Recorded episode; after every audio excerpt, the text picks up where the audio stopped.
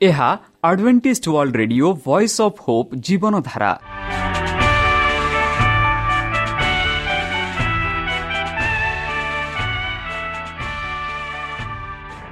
Odia radio କାର୍ଯ୍ୟକ୍ରମ ଯାହା ଆମର ଆନ୍ତର୍ଜାତୀୟ ଆଘାତ କେନ୍ଦ୍ରରୁ ପ୍ରସାରଣ କରାଯାଉଛି ପ୍ରତିଦିନ ରାତି ନଅଟା ତିରିଶ ମିନିଟ୍ରେ। ମୁଁ ସୁବ୍ରତ କୁମାର ପତି ପ୍ରେମର ସହ ଆପଣମାନଙ୍କୁ ଏହି କାର୍ଯ୍ୟକ୍ରମକୁ ସ୍ୱାଗତ କରୁଅଛି। ଚାଲନ୍ତୁ ଆଜିର ତିରିଶ ମିନିଟ୍ର କାର୍ଯ୍ୟକ୍ରମ ବିଷୟରେ ଜାଣିନେବା। ପ୍ରଥମେ ରଖିଛୁ ଆଧ୍ୟାତ୍ମିକ ଭକ୍ତିମୟ ଗୀତ।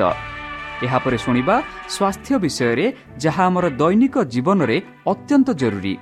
ଆଉ ପରିଶେଷରେ ଶୁଣିବା ପରମେଶ୍ୱରଙ୍କ ଭକ୍ତଙ୍କଠାରୁ ଜୀବନଦାୟକ ଈଶ୍ୱରଙ୍କ ବାକ୍ୟ।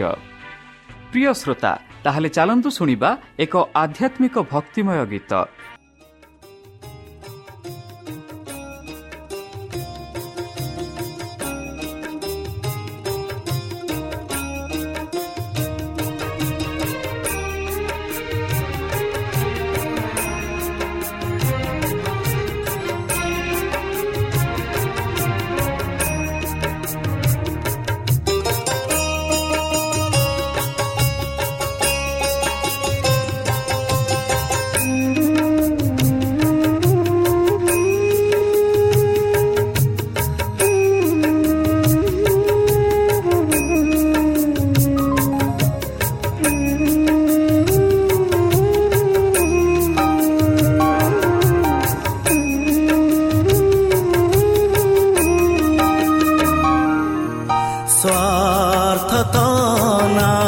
चाहिँ पाई प्रभु कोरोडा प्रहार सहिल। स्वार्थ त नाही कहीँ पाई प्रभु कोरोडा प्रहार सहिल।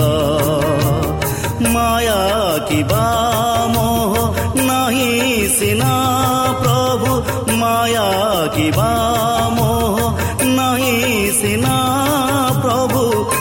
काहीँकी कुसको पहिलो स्वार्थ त नाही काहीँ पाहीँ प्रभु करोडा प्रहार सहिल। स्वार्थ त नाही काहीँ पाहीँ प्रभु कोरोडा प्रहार सहिला।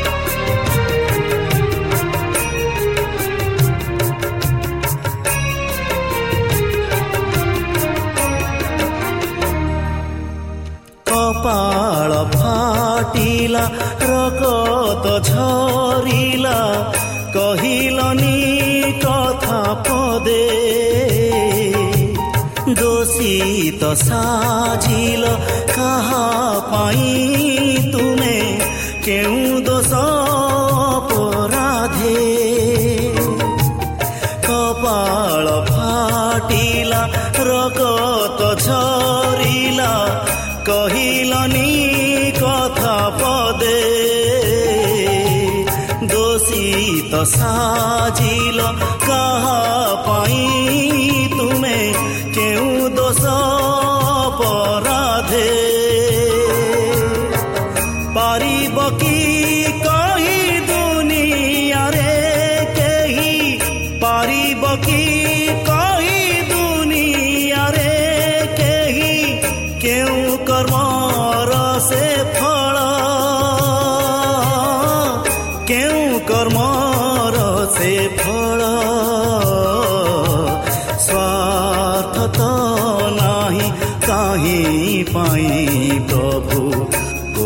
প্রভা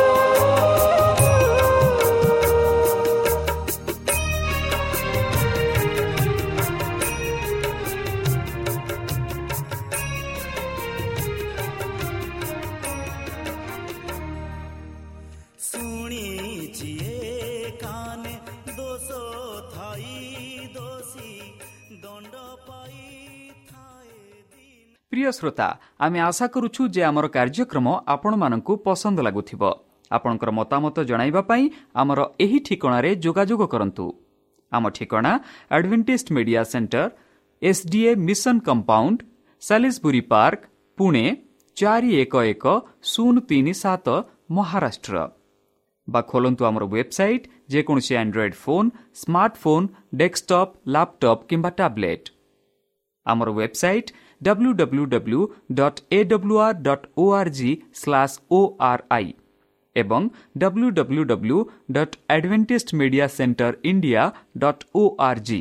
ଚାଲନ୍ତୁ ଶୁଣିବା ଈଶ୍ୱରଙ୍କ ଜୀବନଦାୟକ ବାକ୍ୟ। ନମସ୍କାର ସେହି ସର୍ବଶକ୍ତି ସର୍ବଜ୍ଞାନୀ ପ୍ରେମର ସାଗର ଦୟାମୟ ଅନୁଗ୍ରହ ପରମ ପିତାଙ୍କ ମଧୁର ନାମରେ ମୁଁ ପୂର୍ଣ୍ଣଚନ୍ଦ୍ର ଆଉ ଥରେ ଆପଣମାନଙ୍କୁ ଏହି କାର୍ଯ୍ୟକ୍ରମରେ ସ୍ୱାଗତ କରୁଅଛି। ପ୍ରିୟ ଶ୍ରୋତା ସେହି ସର୍ବଶକ୍ତି ପରମେଶ୍ୱର ଆପଣମାନଙ୍କୁ ଆଶୀର୍ବାଦ କରନ୍ତୁ। ଆପଣଙ୍କୁ ସମସ୍ତ ପ୍ରକାର ଦୁଃଖ କଷ୍ଟ ବାଧା କ୍ଲେଶ ଓ ରୋଗରୁ ଦୂରେଇ ରଖୁ। ବିଶେଷ ଭାବରେ ବର୍ତ୍ତମାନ ଯେଉଁ କରୋନା ମହାମାରୀ ସାରା ପୃଥିବୀକୁ ଆପଣା ପ୍ରଭାବ ଦେଖାଉଅଛି ସେହି ପ୍ରଭାବରୁ ସେହି ପରମେଶ୍ୱର ଆପଣମାନଙ୍କୁ ସୁରକ୍ଷାରେ ରଖନ୍ତୁ। ତାହାଙ୍କ ପ୍ରେମ ତାହାଙ୍କ ସ୍ନେହ ତାହାଙ୍କ କୃପା ତାହାଙ୍କ ଅନୁଗ୍ରହ ସଦାସର୍ବଦା ଆପଣଙ୍କଠାରେ ସହବର୍ତ୍ତୀ ରହୁ। ପ୍ରିୟସତା ଚାଲନ୍ତୁ। ଆଜି ଆମ୍ଭେମାନେ କିଛି ସମୟ ପବିତ୍ର ଶାସ୍ତ୍ର ବାଇବଲଠୁ ତାହାଙ୍କ ଜୀବନଦାୟକ ବାକ୍ୟ ଧ୍ୟାନ କରିବା। ଆଜିର ଆଲୋଚନା ହେଉଛି ପୁରୋହିତ ଷଡ଼ଯନ୍ତ୍ର। ବନ୍ଧୁ ବେଥେନିଆ ଜେରୁସାଲମ ନିକଟରେ ଏତେ ଥିଲା ଯେ ଲାଜାରସଙ୍କ ଉଦ୍ଧାନ ଖବର ଶୀଘ୍ର ସହରକୁ ନିଆଗଲା। ଗୁପ୍ତଚୋରମାନଙ୍କ ମାଧ୍ୟମରେ କେଉଁମାନେ ଚମତ୍କାରର ସାକ୍ଷୀ ହୋଇଥିଲେ ଜିହୁଦୀ ଶାସକମାନେ ଶୀଘ୍ର ତଥ୍ୟ ହାସଲ କରିଥିଲେ। କାରଣ କ'ଣ କରାଯିବ ଉଚିତ ତାହା ସ୍ଥିର କରିବାକୁ ସଙ୍ଗେ ସଙ୍ଗେ ଏକ ବୈଠକ ଡକାଗଲା ଖ୍ରୀଷ୍ଟ ବର୍ତ୍ତମାନ ମୃତ୍ୟୁ ଓ କବର ଉପରେ ନିଜର ନିୟନ୍ତ୍ରଣକୁ ସମ୍ପୂର୍ଣ୍ଣ ରୂପେ ପ୍ରକାଶ କରିଛନ୍ତି। ସେହି ଶକ୍ତିଶାଳୀ ଚମତ୍କାର ହେଉଛି ଈଶ୍ୱରଙ୍କ ଦ୍ୱାରା ମନୁଷ୍ୟମାନଙ୍କୁ ପ୍ରଦାନ କରାଯାଉଥିବା ମୁକୁଟ ପ୍ରମାଣ ଯେ ସେ ସେମାନଙ୍କ ପରିତ୍ରାଣ ପାଇଁ ନିଜ ପୁତ୍ରଙ୍କୁ ଜଗତକୁ ପଠାଇଥିଲେ। ଏହା ଈଶ୍ୱରୀୟ ଶକ୍ତିର ଏକ ପ୍ରଦର୍ଶନ ଥିଲା ଯାହା ପ୍ରତ୍ୟେକ ମନକୁ ମନାଇବା ପାଇଁ ଯଥେଷ୍ଟ ଥିଲା ଯାହା ଜ୍ଞାନ ଏବଂ ଜ୍ଞାନ ପ୍ରାପ୍ତ ବିବେକ ଅଧୀନରେ ଥିଲା। ଯେଉଁମାନେ ଲାଜାରସଙ୍କ ପୁନରୁତ୍ଥାନ ସାକ୍ଷୀ ଥିଲେ ସେମାନେ ଯୀଶୁଙ୍କ ଉପରେ ବିଶ୍ୱାସ କରିବାକୁ ଆଗେଇ ଆସିଲେ। କିନ୍ତୁ ତାଙ୍କ ବିରୁଦ୍ଧରେ ଯାଜକମାନଙ୍କ ଘୃଣା ବଢ଼ିଗଲା। ସେମାନେ ତାଙ୍କର ଈଶ୍ୱରଙ୍କ ସମସ୍ତ ଛୋଟ ପ୍ରମାଣକୁ ପ୍ରତ୍ୟାଖ୍ୟାନ କରିଥିଲେ ଏବଂ ସେମାନେ କେବଳ ଏହି ନୂତନ ଚମତ୍କାରରେ କ୍ରୋଧିତ ହେଲେ। ମୃତ୍ୟୁମାନେ ଦିନର ଆଲୋକରେ ଏବଂ ସାକ୍ଷୀଙ୍କ ଭିଡ଼ ଆଗରେ ପୁନରୁତ୍ଥିତ ହୋଇଥିଲେ। କୌଣସି କାଲକୃତ୍ୟ ଏପରି ପ୍ରମାଣକୁ ବ୍ୟାଖ୍ୟା କରିବ କରିପାରିବ ନାହିଁ। ଏହି କାରଣରୁ ଯାଜକମାନଙ୍କର ଶତ୍ରୁତା ଘାତକ ହେଲା। ସେମାନେ ଖ୍ରୀଷ୍ଟଙ୍କ କାର୍ଯ୍ୟକୁ ବନ୍ଦ କରିବାକୁ ପୂର୍ବ ଅପେକ୍ଷା ଅଧିକ ସଂକଳ୍ପବଦ୍ଧ ଥିଲେ। ବନ୍ଧୁ ସାଧୁକୀମାନେ ଜିହୁଦୀ ଖ୍ରୀଷ୍ଟଙ୍କ ପାଇଁ ଅନୁକୂଳ ନଥିଲେ। ଫରୁସୀମାନଙ୍କ ପରି ତାଙ୍କ ପ୍ରତି ଏତେ ଖରାପ ବ୍ୟବହାର କରି ନଥିଲେ। ସେମାନଙ୍କର ଘୃଣା ଏତେ ତିକ୍ତ ନଥିଲା କିନ୍ତୁ ସେମାନେ ବର୍ତ୍ତମାନ ଭୟଭୀତ ହୋଇପଡ଼ିଥିଲେ ସେମାନେ କରିନାହାନ୍ତି ମୃତ୍ୟୁମାନଙ୍କର ପୁନରୁତ୍ଥାନରେ ବିଶ୍ୱାସ କରେ। ତଥା କର୍ତ୍ତବ୍ୟ ବିଜ୍ଞାନ ଉତ୍ପାଦନ କରି ସେମାନେ ଭାବିଥିଲେ ଯେ ଏକ ମୃତ୍ୟୁ ଶରୀରକୁ ଜୀବନ୍ତ କରିବା ଏକ ଅସମ୍ଭବତା। କିନ୍ତୁ ଖ୍ରୀଷ୍ଟଙ୍କଠାରୁ କିଛି ବାକ୍ୟ ଦ୍ୱାରା ସେମାନଙ୍କ ସିଦ୍ଧାନ୍ତ ଧ୍ୱଂସ ହୋଇଯାଇଥିଲା ସେମାନେ ଉଭୟ ଶାସ୍ତ୍ର ଏବଂ ଈଶ୍ୱରଙ୍କ ଶକ୍ତି ବିଷୟରେ ଅଜ୍ଞ ବୋଲି ଦର୍ଶାଇଥିଲେ। ଚମତ୍କାର ଦ୍ୱାରା ଲୋକଙ୍କ ଉପରେ ହୋଇଥିବା ଭାବନାକୁ ହଟାଇବାର କୌଣସି ସମ୍ଭାବନା ସେମାନେ ଦେଖିପାରିଲେ ନାହିଁ। ମନୁଷ୍ୟମାନେ ତାଙ୍କ ମୃତ୍ୟୁ କବରକୁ ଲୁଟିବାରେ ବିଜୟୀ ହୋଇଥିବା ବ୍ୟକ୍ତିଙ୍କଠାରୁ କିପରି ଦୂରେଇ ଯାଇପାରିବେ ମିଥ୍ୟା ରିପୋର୍ଟ ପ୍ରଚାର କରାଯାଇଥିଲା କିନ୍ତୁ ଚମତ୍କାର ଅସ୍ୱୀକାର କରାଯାଇପାରିବ ନାହିଁ ଏବଂ ଏହାର ପ୍ରଭାବକୁ କିପରି ପ୍ରତିରୋଧ କରାଯିବ ତାହା ସେମାନେ ଜାଣିନଥିଲେ।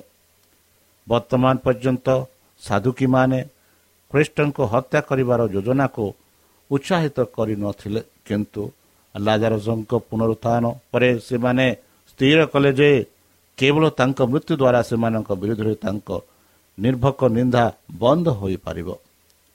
ପାରୁସୀମାନେ ପୁନରୁତ୍ତାରରେ ବିଶ୍ୱାସ କଲେ ଏବଂ ସେମାନେ ଦେଖିପାରିଲେ ନାହିଁ ଯେ ଏହି ଚମତ୍କାର ଏକ ପ୍ରମାଣ ଯେ ଖ୍ରୀଷ୍ଟ ସେମାନଙ୍କ ମଧ୍ୟରେ ଥିଲେ। କିନ୍ତୁ ସେମାନେ ଖ୍ରୀଷ୍ଟଙ୍କ କାର୍ଯ୍ୟକୁ କେବେ ବିରୋଧ କରିନଥିଲେ ପ୍ରଥମରୁ ସେମାନେ ତାଙ୍କୁ ଘୃଣା କରୁଥିଲେ କାରଣ ସେ ସେମାନଙ୍କ କପଟି ଛଳନାକୁ ପ୍ରକାଶ କରୁଥିଲେ। ସେ କୋଠର ରୀତିନୀତିର ପୋଷାକକୁ ଚିରିଦେଲେ ଯେଉଁଥିରେ ସେମାନଙ୍କ ନୈତିକ ବିକୃତି ଲୁଚି ରହିଥିଲା। ସେ ଯେଉଁ ଶୁଦ୍ଧ ଧର୍ମ ଶିକ୍ଷା ଦେଇଥିଲେ ସେମାନେ ସେମାନଙ୍କ ଧାର୍ମିକ ଧର୍ମକୁ ନିନ୍ଦା କରିଥିଲେ। ତାଙ୍କର ନିର୍ଦ୍ଦିଷ୍ଟ ଭର୍ଜନା ପାଇଁ ସେମାନେ ତାଙ୍କଠାରୁ ପ୍ରତିଶୋଧ ନେବାକୁ ଶୋଷିଲା। ସେମାନେ ତାଙ୍କୁ କହିବାକୁ କିମ୍ବା କିଛି କରିବାକୁ ତାଙ୍କୁ ଉତ୍ତେଜିତ କରିବାକୁ ଚେଷ୍ଟା କରିଥିଲେ ଯାହା ତାଙ୍କୁ ନିନ୍ଦା କରିବାକୁ କରିବାର ସୁଯୋଗ ହେବ। ଅନେକ ଥର ସେମାନେ ତାଙ୍କୁ ପଥର ମାରିବାକୁ ଚେଷ୍ଟା କରିଥିଲେ କିନ୍ତୁ ସେ ଚୁପଚାପ ପ୍ରତ୍ୟାହାର କରି ନେଇଥିଲେ ଏବଂ ସେମାନେ ତାହାଙ୍କୁ ଦେଖିନଥିଲେ ବିଶ୍ରାମ ବାରରେ ସେ କହିଥିବା ଚମତ୍କାର ସବୁ ଦେଖି ଦୁଃଖୀ ଲୋକମାନଙ୍କ ମୁକ୍ତି ପାଇଁ ଥିଲା କିନ୍ତୁ ଫରୁସୀମାନେ ତାଙ୍କୁ ବିଶ୍ରାମ ବାରର ଭାବରେ ନିନ୍ଦା କରିବାକୁ ଚେଷ୍ଟା କରିଥିଲେ। ସେମାନେ ହେରୋଦିଓମାନଙ୍କୁ ତାଙ୍କ ବିରୁଦ୍ଧରେ ଉଠାଇବାକୁ ଚେଷ୍ଟା କରିଥିଲେ।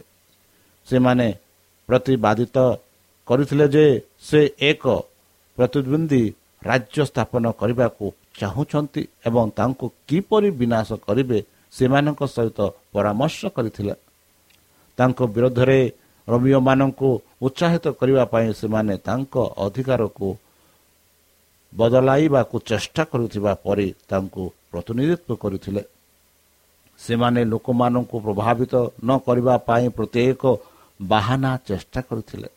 କିନ୍ତୁ ଏପର୍ଯ୍ୟନ୍ତ ସେମାନଙ୍କ ପ୍ରାୟତଃ ବିଫଳ ହୋଇଥିଲା। ତାଙ୍କର ଦୟାଳୁ କାର୍ଯ୍ୟର ସାକ୍ଷୀ ଥିବା ଏବଂ ତାଙ୍କର ଶୁଦ୍ଧ ଏବଂ ପବିତ୍ର ଶିକ୍ଷା ଶୁଣିଥିବା ଜନତା ଜାଣିଥିଲେ ଯେ ଏହା ବିଶ୍ରାମବାର କିମ୍ବା ଦିନୀୟ କାର୍ଯ୍ୟ ନୁହେଁ। ପାରୁସୀମାନଙ୍କ ଦ୍ୱାରା ପଠାଯାଇଥିବା ଅଧିକାରୀମାନେ ମଧ୍ୟ ତାଙ୍କ କଥା ଦ୍ୱାରା ଏତେ ପ୍ରଭାବିତ ହୋଇଥିଲେ ଯେ ସେମାନେ ତାଙ୍କ ଉପରେ ହାତ ରଖିପାରିଲେ ନାହିଁ। ବନ୍ଧୁ ଅତପେ ଯାଜକ ଶାସକ ଓ ପ୍ରାଚୀନମାନେ ପରାମର୍ଶ ପାଇଁ ଏକତ୍ରିତ ହେଲେ।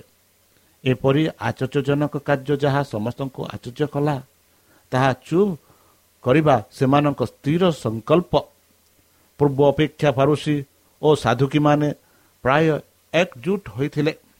ଏପର୍ଯ୍ୟନ୍ତ ବିଭାଜିତ ହୋଇ ସେମାନଙ୍କ ଖ୍ରୀଷ୍ଟ ବିରୋଧରେ ଏକ ହୋଇଗଲେ। ନିକୋଡିମସ୍ ଏବଂ ଜୋସେଫ ପୂର୍ବ ପରିପଦରେ ଯୀଶୁଙ୍କ ନିନ୍ଦାକୁ ରଖିଥିଲେ ଏବଂ ଏହି କାରଣରୁ ସେମାନଙ୍କୁ ବର୍ତ୍ତମାନ ଡକାଯାଇ ନଥିଲା। ପରିଷଦରେ ଅନ୍ୟ ପ୍ରଭାବଶୀଳ ବ୍ୟକ୍ତିମାନେ ଉପସ୍ଥିତ ଥିଲେ। ଯେଉଁମାନେ ଯୀଶୁଙ୍କ ଉପରେ ବିଶ୍ୱାସ କରୁଥିଲେ କିନ୍ତୁ ସେମାନଙ୍କ ପ୍ରଭାବ କୁସ୍ଥିତ ଫାରୁସୀମାନଙ୍କ ବିରୁଦ୍ଧରେ କିଛି ନଥିଲା। ତଥାପି ପରିଷଦର ସଦସ୍ୟମାନେ ସମସ୍ତେ ସହମତ ହୋଇନଥିଲେ ଯାହା ସେନାଡ୍ରିନ୍ ଏହି ସମୟରେ ଏକ ଆଇନଗତ ସଭା ନଥିଲା। ଏହା କେବଳ ସହନଶୀଳତା ଦ୍ୱାରା ବିଦ୍ୟମାନ ଥିଲା। ଏହାର କିଛି ସଂଖ୍ୟା ଖ୍ରୀଷ୍ଟଙ୍କୁ ହତ୍ୟା କରିବାର ଜ୍ଞାନ ଉପରେ ପ୍ରଶ୍ନ କରିଥିଲା। ସେମାନେ ଭୟ କରୁଥିଲେ ଯେ ଏହା ଲୋକମାନଙ୍କ ମଧ୍ୟରେ ଏକ ବିଦ୍ରୋହକୁ ଉତ୍ସାହିତ କରିବ ଯାହାଦ୍ୱାରା ରୋମିଓମାନେ ପୁରୋହିତତ୍ୱରୁ ଅଧିକ ଅନୁଗ୍ରହକୁ ଅଟକାଇ ପାରିବେ ଏବଂ ସେମାନଙ୍କ ଠାରୁ ସେମାନେ ଯେଉଁ କ୍ଷମତା ରଖିଛନ୍ତି ସାଧୁକୀମାନେ ଖ୍ରୀଷ୍ଟଙ୍କ ପ୍ରତି ଘୃଣା ଭାବରେ ଏକତ୍ରିତ ହେଲେ। ତଥାପି ସେମାନେ ସେମାନଙ୍କ ଗତିବିଧିରେ ଶ୍ଵେତଚନ ହେବାକୁ ଆଗ୍ରହ ପ୍ରକାଶ କଲେ। ରୋମିଓମାନେ ସେମାନଙ୍କୁ ଉଚ୍ଚ ପଦରୁ ବଞ୍ଚିତ କରିବେ। ବନ୍ଧୁ କୃଷ୍ଣଙ୍କ ମୃତ୍ୟୁ ଯୋଜନା କରିବା ପାଇଁ ଏକତ୍ରିତ ହୋଇଥିବା ଏହି ପରିଷଦ ସାକ୍ଷୀ ଉପସ୍ଥିତି ଥିଲେ ଯିଏ ନଖୁସରଙ୍କ ଅହଙ୍କାରୀ ବାକ୍ୟ ଶୁଣୁଥିଲେ ଯିଏ ବେଲା ସାଜର ମୂର୍ତ୍ତି ପୂଜା ଭୋଜିର ସାକ୍ଷୀ ଥିଲେ। ଯେତେବେଳେ ନାଜରିତରେ ଖ୍ରୀଷ୍ଟ ନିଜକୁ ଅଭିଶକ୍ତି ଘୋଷଣା କରିଥିଲେ। ଏହି ସାକ୍ଷୀ ବର୍ତ୍ତମାନ କାର୍ଯ୍ୟ କରୁଥିବା ଶାସକମାନଙ୍କୁ ପ୍ରଭାବିତ କରୁଥିଲେ। ବନ୍ଧୁ କୃଷ୍ଣଙ୍କ ଜୀବନରେ ଘଟିଥିବା ଘଟଣା ଗୁଡ଼ିକ ସେମାନଙ୍କ ସମ୍ମୁଖରେ ଉଠିଥିଲା ଯାହା ସେମାନଙ୍କୁ ଭୟଭୀତ କଲା। ସେମାନେ ମନ୍ଦିରର ଦୃଶ୍ୟକୁ ମନେ ପକାଇଲେ। ଯେତେବେଳେ ବାର ବର୍ଷର ପିଲା ଯୀଶୁ ଆଇନର ଶିକ୍ଷକ ଡାକ୍ତରମାନଙ୍କ ସମ୍ମୁଖରେ ଠିଆ ହେଲେ ସେମାନଙ୍କୁ ପ୍ରଶ୍ନ ପଚାରିଥିଲେ ଯେଉଁଥିରେ ସେମାନେ ଆଚର୍ଯ୍ୟ ହୋଇଥିଲେ। ଚମତ୍କାର କେବଳ ସାକ୍ଷ୍ୟ ହୋଇଥିଲା ଯେ ଯୀଶୁ ଈଶ୍ୱରଙ୍କ ପୁତ୍ର ବ୍ୟତୀତ ଆଉ କେହି ନାହିଁ। ସେମାନଙ୍କର ପ୍ରକୃତ ମହତ୍ଵରେ କୃଷ୍ଣଙ୍କ ବିଷୟରେ ପୁରାତନ ନିୟମ ଶାସ୍ତ୍ର ସେମାନଙ୍କ ମନ ଆଗରେ ଲସି ଉଠିଲା। ବିବ୍ରତ ବିବ୍ରତ ହୋଇ ଶାସକମାନେ ପଚାରିଲେ ଆମେ କ'ଣ କରିବା? ପରିଷଦରେ ଏକ ବିଭାଜନ ହୋଇଥିଲା। ପବିତ୍ର ଆତ୍ମାଙ୍କ ପ୍ରଭାବରେ ଯାଜକ ଓ ଶାସକମାନେ ଈଶ୍ୱରଙ୍କ ବିରୁଦ୍ଧରେ ଯୁଦ୍ଧ କରିଛନ୍ତି ବୋଲି ବିଶ୍ୱାସ ବଢ଼ିଛି ପରିଷଦ ବିସ୍ମୟ ଉଚ୍ଚାତରେ ଥିବାବେଳେ ମହାଯାଜକ ଖାୟାପା ଉଠିଲେ। ଖାୟାବସ୍ ଜଣେ ଗର୍ଭୀ ଏବଂ ନିଷ୍ଠୁର ବ୍ୟକ୍ତି ଅତ୍ୟଧିକ ଭାରପ୍ରାପ୍ତ ଏବଂ ଅସହିଷ୍କୃତ ବ୍ୟକ୍ତି ଥିଲେ। ତାଙ୍କ ପାରିବାରିକର ସଂଯୋଗ ମଧ୍ୟରେ ଯାଦୁକି ଗର୍ଭୀ ସାହସୀ ବେପୁରୁଆ ଉଚ୍ଚାବିଲାସୀ ଏବଂ ନିଷ୍ଠୁରତାରେ ପରିପୂର୍ଣ୍ଣ ଥିଲେ ଯାହାକୁ ସେମାନେ ଧାର୍ମିକତାର ଲୁଗା ତଳେ ଲୁଚାଇ ରଖିଥିଲେ କାୟଫ ଭବିଷ୍ୟତବାଣୀ ଗୁଡ଼ିକ ଅଧ୍ୟୟନ କରିଥିଲେ ଏବଂ ଯଦିଓ ସେମାନଙ୍କର ପ୍ରକୃତ ଅର୍ଥ ବିଷୟରେ ଅଜ୍ଞ ଥିଲେ ତଥାପି ସେ ମହାନ କର୍ତ୍ତୃତ୍ୱ ଏବଂ ନିଷ୍ପତ୍ତତା ସହିତ କରିଥିଲେ ଆପଣ ଅଦ୍ୟ କିଛି ଜାଣୁନାହାନ୍ତି କିମ୍ବା ଭାବନ୍ତି ନାହିଁ ଯେ ଏହା ଆମ ପାଇଁ ଉତ୍ତମ ଅଟେ। ଜଣେ ଲୋକ ଲୋକଙ୍କ ପାଇଁ ମରିବା ଉଚିତ ଏବଂ ସମଗ୍ର ଦେଶ ବିନଷ୍ଟ ହୁଅ ନାହିଁ ଯଦିଓ ଯୀଶୁ ନିର୍ଦ୍ଦୋଷ ଥିଲେ ମହାଜାଜଙ୍କୁ ଅନୁରୋଧ କରିଥିଲେ ତାଙ୍କୁ ନିଶ୍ଚୟ ବାଟରୁ ବାହାର କରି ଦିଆଯାଅ ଦିଆଯିବା ଉଚିତ। ସେ ଅସୁବିଧାଜନକ ଥିଲେ ଲୋକମାନଙ୍କୁ ନିଜ ଆଡ଼କୁ ଆକର୍ଷିତ କରିଥିଲେ ଏବଂ ଶାସକମାନଙ୍କ ଅଧିକାରରୁ ହ୍ରାସ କରିଥିଲେ। ସେ କେବଳ ଜଣେ ଥିଲେ। ଶାସକମାନଙ୍କ ଅଧିକାରର ଦୁର୍ବଳ ହେବା ଅପେକ୍ଷା ସେ ମରିବା ଉଚିତ।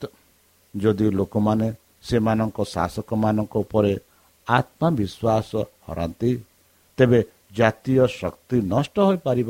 ଖାସ ଅନୁରୋଧ କରିଛନ୍ତି ଯେ ଏହି ଚମତ୍କାର ପରେ ଯୀଶୁ ଅନୁଗାମୀମାନେ ବିଦ୍ରୋହରେ ବଢ଼ିବେ ସେ କହିଛନ୍ତି ରୋମିଓମାନେ ଆସିବେ ଏବଂ ଆମର ମନ୍ଦିର ବନ୍ଦ କରିବେ ଏବଂ ଆମର ନିୟମକୁ ରଦ୍ଦ କରି ଆମକୁ ଏକ ରାଷ୍ଟ୍ର ଭାବରେ ଧ୍ୱଂସ କରିବେ। ଜାତିର ଜୀବନ ତୁଳନାରେ ଏହି ଗାଲିଲିର ଜୀବନ କ'ଣ ମୂଲ୍ୟବାନ?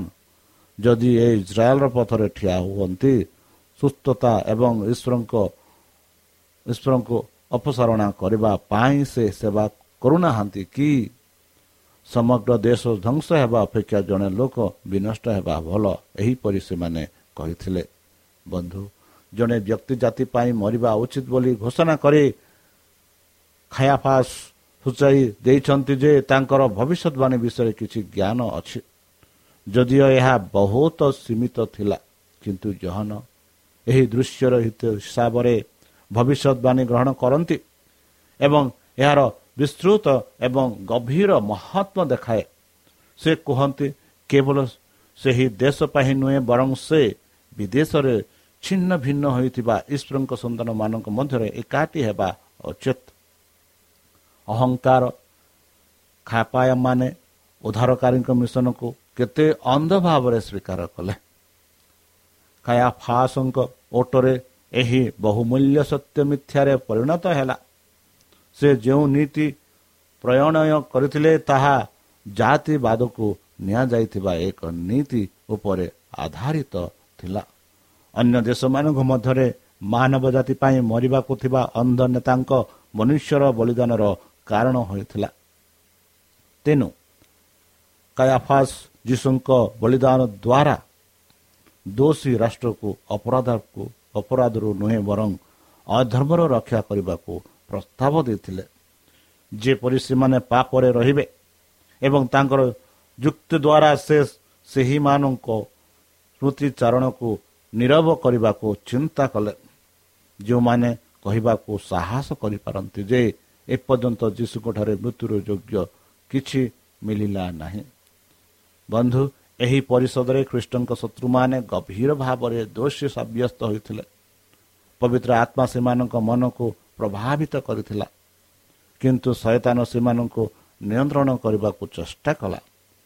କୃଷ୍ଣଙ୍କ କାରଣରୁ ସେମାନେ କରିଥିବା ଅଭିଯୋଗକୁ ସେ ସେମାନଙ୍କ ନୋଟିସରେ ଅନୁରୋଧ କରିଥିଲେ। ସେ ସେମାନଙ୍କ ଧାର୍ମିକତାକୁ କେତେ ମାତ୍ରାରେ ସମ୍ମାନିତ କରିଥିଲେ।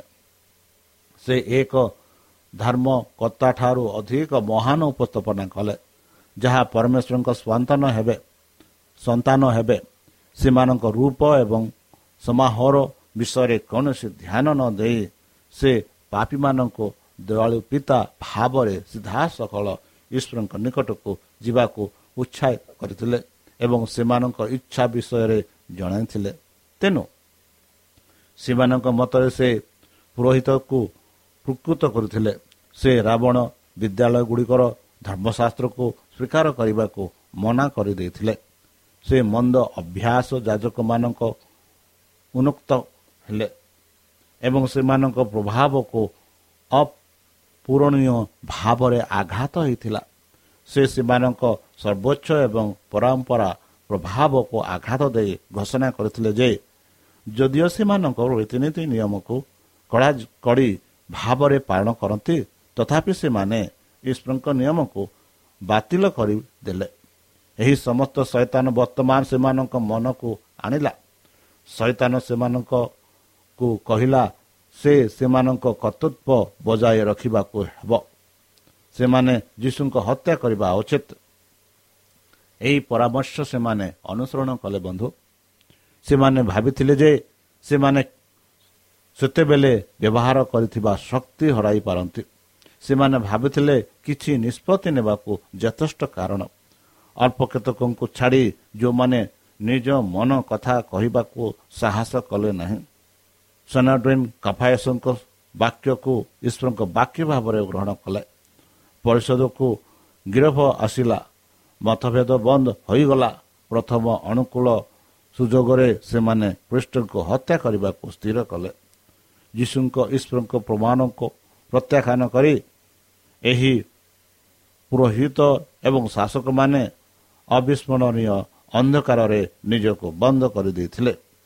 ସେମାନେ ଅନନ୍ତ ବିନାଶର ଶିକାର ହେବା ପାଇଁ ଶୀଘ୍ର ଶୀଘ୍ର ସଚେତନର ଅଧୀନରେ ଆସୁଥିଲେ। ତଥାପି ସେମାନଙ୍କର ପ୍ରତାରଣା ଥିଲା ଯେ ସେମାନେ ନିଜ ଉପରେ ସନ୍ତୁଷ୍ଟ ହେଲେ।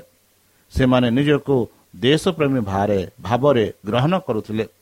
ଯେଉଁମାନେ ଦେଶରେ ଖୋଜୁଥିଲେ ସେନାଡ୍ରିନ୍ ଭୟ କରୁଥିଲେ ଯେ ଯୀଶୁଙ୍କ ବିରୁଦ୍ଧରେ ତୀବ୍ର ପଦପେକ୍ଷ ନେବାକୁ ଯେପରି ଲୋକମାନେ କ୍ରୋଧିତ ନ ହୁଅନ୍ତି ଏବଂ ତାଙ୍କ ପ୍ରତି ଧ୍ୟାନ କରୁଥିବା ହିଂସା ନିଜ ଉପରେ ପଡ଼ିବ। ଏହି କାର୍ଯ୍ୟରୁ ପରିଷଦ ସେମାନେ ଘୋଷଣା କରିଥିବା ଦଣ୍ଡକୁ କାର୍ଯ୍ୟକାରୀ କରିବାରେ ବିଳମ୍ବ କରିଥିଲେ। ତ୍ରାଣକର୍ତ୍ତା ଯାଜକମାନଙ୍କ ଷଡ଼ଯନ୍ତ୍ର ବୁଝିଲେ। ସେ ଜାଣିଥିଲେ ଯେ ସେମାନେ ତାଙ୍କୁ ହଟାଇବାକୁ ଇଚ୍ଛା କରନ୍ତି ଏବଂ ସେମାନଙ୍କ ଉଦ୍ଦେଶ୍ୟ ଶୀଘ୍ର ପୂରଣ ହେବ। କିନ୍ତୁ ସଙ୍କଟରୁ ତ୍ୱରାନ୍ୱିତ କରିବା ତାଙ୍କ ସ୍ଥାନ ନୁହେଁ ଏବଂ ଶିଷ୍ୟମାନଙ୍କୁ ସାଙ୍ଗରେ ନେଇ ସେ ସେହି ଅଞ୍ଚଳକୁ ବିଦାୟୀ ନେଇଥିଲେ। ଏହିପରି ଭାବରେ ଯୀଶୁ ନିଜ ଶିଷ୍ୟମାନଙ୍କୁ ଶିଷ୍ୟମାନଙ୍କୁ ଦେଇଥିବା ନିର୍ଦ୍ଦେଶକୁ ପୁନର୍ବାର କାର୍ଯ୍ୟକାରୀ କଲେ। ଯେତେବେଳେ ସେମାନେ ଏହି ସହରରେ ତୁମକୁ ତାଳନା କରନ୍ତି ତୁମେ ଅନ୍ୟ ସହରକୁ ପଲାଇ ଯାଅ। ସେଠାରେ ଏହି ବିପୃଷ୍ଟ କ୍ଷେତ୍ର ଥିଲା ଯେଉଁଠାରେ ଆତ୍ମାର ପରିତ୍ରାଣ କାର୍ଯ୍ୟ ପାଇଁ କରିବା ଏବଂ ଯଦି ତାଙ୍କ ପ୍ରତି ବିଶ୍ୱାସତା ଆବଶ୍ୟକ ନୁହେଁ ତେବେ ପ୍ରଭୁଙ୍କର ସେବକମାନେ ସେମାନଙ୍କ ଜୀବନକୁ ବିପଦରେ ପକାଇବେ ନାହିଁ। ତାଙ୍କ ଜୀବନ ଏକ ନିର୍ଯାତନା ଏବଂ ଅପମାନ ଥିଲା। ଯେଉଁମାନେ ଭୋକିଲା ଲୋକଙ୍କୁ ଖାଇବାକୁ ଦେଇଥିଲେ ଏବଂ ଦୁଃଖୀମାନଙ୍କୁ ସ୍ୱାନ୍ତନା ଦେଇଥିଲେ ସେ ଉଦ୍ଧାରକାରୀ ପାଇଁ ପରିଶ୍ରମ କରିଥିବା ଲୋକମାନଙ୍କ ଠାରୁ ତଡ଼ି ଦିଆଯାଇଥିଲା। ଯିଏ ବିଲେଇ ଉପରେ ଚାଲୁଥିଲା ଏବଂ ଏକ ବାକ୍ୟ ଦ୍ୱାରା ସେମାନଙ୍କ କ୍ରୋଧକୁ ଓଜନ ଦୂର କରିଦେଇଥିଲେ। ବର୍ତ୍ତମାନ ସେହି ସଦାପ୍ରଭୁଙ୍କ ପରମେଶ୍ୱରଙ୍କ ବିରୁଦ୍ଧରେ ଷଡ଼ଯନ୍ତ୍ର ଚାଲିଥିଲା। ବନ୍ଧୁ ବର୍ତ୍ତମାନ ସୈତାନ ବି ତାହାଙ୍କ କାର୍ଯ୍ୟରେ ଆମମାନଙ୍କ ମନରେ ଷଡ଼ଯନ୍ତ୍ର କରନ୍ତି। ତାହେଲେ ଚାଲନ୍ତୁ ନିଜକୁ ତାହାଙ୍କଠାରେ ସମର୍ପଣ କରି ତାହାଙ୍କ ମଧ୍ୟ ନାମେ ଆମେ ପ୍ରାର୍ଥନା ଉଚ୍ଚର କରିବା। ହେ ଆମ୍ଭମାନଙ୍କ ସର୍ବଶକ୍ତି ସର୍ବଜ୍ଞାନୀ ପ୍ରେମର ସାଗର ଦୟାମୟ ଅନ୍ତର୍ଜମୀ ଅନୁଗ୍ରହ ପିତା। ଧନ୍ୟବାଦ ଅର୍ପଣ କରୁଛୁ ପ୍ରଭୁ ବର୍ତ୍ତମାନ ଯେଉଁ ବାକ୍ୟ ତୁମ ସେହି ଭକ୍ତଙ୍କ ଦ୍ୱାରା ଶୁଣାଇଲେ ସେହି ବାକ୍ୟ ଅନୁସାରେ ଏମାନଙ୍କୁ ଚାଲିବା ପାଇଁ ବୁଦ୍ଧିରେ ଜ୍ଞାନରେ ଶକ୍ତିରେ ପରିପୂର୍ଣ୍ଣ କର। ପରିଶେଷ ଯେବେ ତୁମେ ତୁମ ସେହି ସହସ୍ରଦୂତଙ୍କ ସହ ଆପଣା ସାଧୁମାନଙ୍କୁ ସଂଘ କରିବା ନିମନ୍ତେ ଆସିବେ ସେତେବେଳେ ଏମାନଙ୍କୁ ଏକ ବାସ ସ୍ଥାନ ବୋଲି ତ୍ରାଣକର୍ତ୍ତା ପ୍ରଭୁ ଯୀଶୁଙ୍କ ମଧୁମୟ ନାମରେ ଏହି ଛୋଟ ବିକ୍ଷମ ଅଛି ତୁମେ ଗ୍ରହଣ କର ଆମେନ୍ ପ୍ରିୟ ଶ୍ରୋତା ଆମେ ଆଶା କରୁଛୁ ଯେ ଆମର କାର୍ଯ୍ୟକ୍ରମ ଆପଣମାନଙ୍କୁ ପସନ୍ଦ ଲାଗୁଥିବ। ଆପଣଙ୍କର ମତାମତ ଜଣାଇବା ପାଇଁ ଆମର ଏହି ଠିକଣାରେ ଯୋଗାଯୋଗ କରନ୍ତୁ। ଆମ ଠିକଣା Adventist media centre SDA mission compound Salisbury Park Pune ଚାରି ଏକ ଏକ ଶୂନ ତିନି ସାତ ମହାରାଷ୍ଟ୍ର। ବା ଖୋଲନ୍ତୁ ଆମର ୱେବସାଇଟ୍ ଯେକୌଣସି Android phone smartphone desktop laptop କିମ୍ବା ଟ୍ୟାବ୍ଲେଟ୍ ଆମର website W W W dot A W R dot O R G slash O R I ଏବଂ W W W dot Adventist media centre India dot O R G Adventist media centre ଇଣ୍ଡିଆର spelling ହେଉଛି A D V E N T I S T M E D I A C E N T R E I N D I A ଅଥବା download କରନ୍ତୁ ଆମର mobile app ଆପଣଙ୍କର mobile play ଷ୍ଟୋରକୁ ଯାଆନ୍ତୁ ଆଉ type କରନ୍ତୁ the voice of hope ଆଉ download କରନ୍ତୁ। ଈଶ୍ୱର ଆପଣଙ୍କୁ ଆଶୀର୍ବାଦ କରନ୍ତୁ। ଧନ୍ୟବାଦ।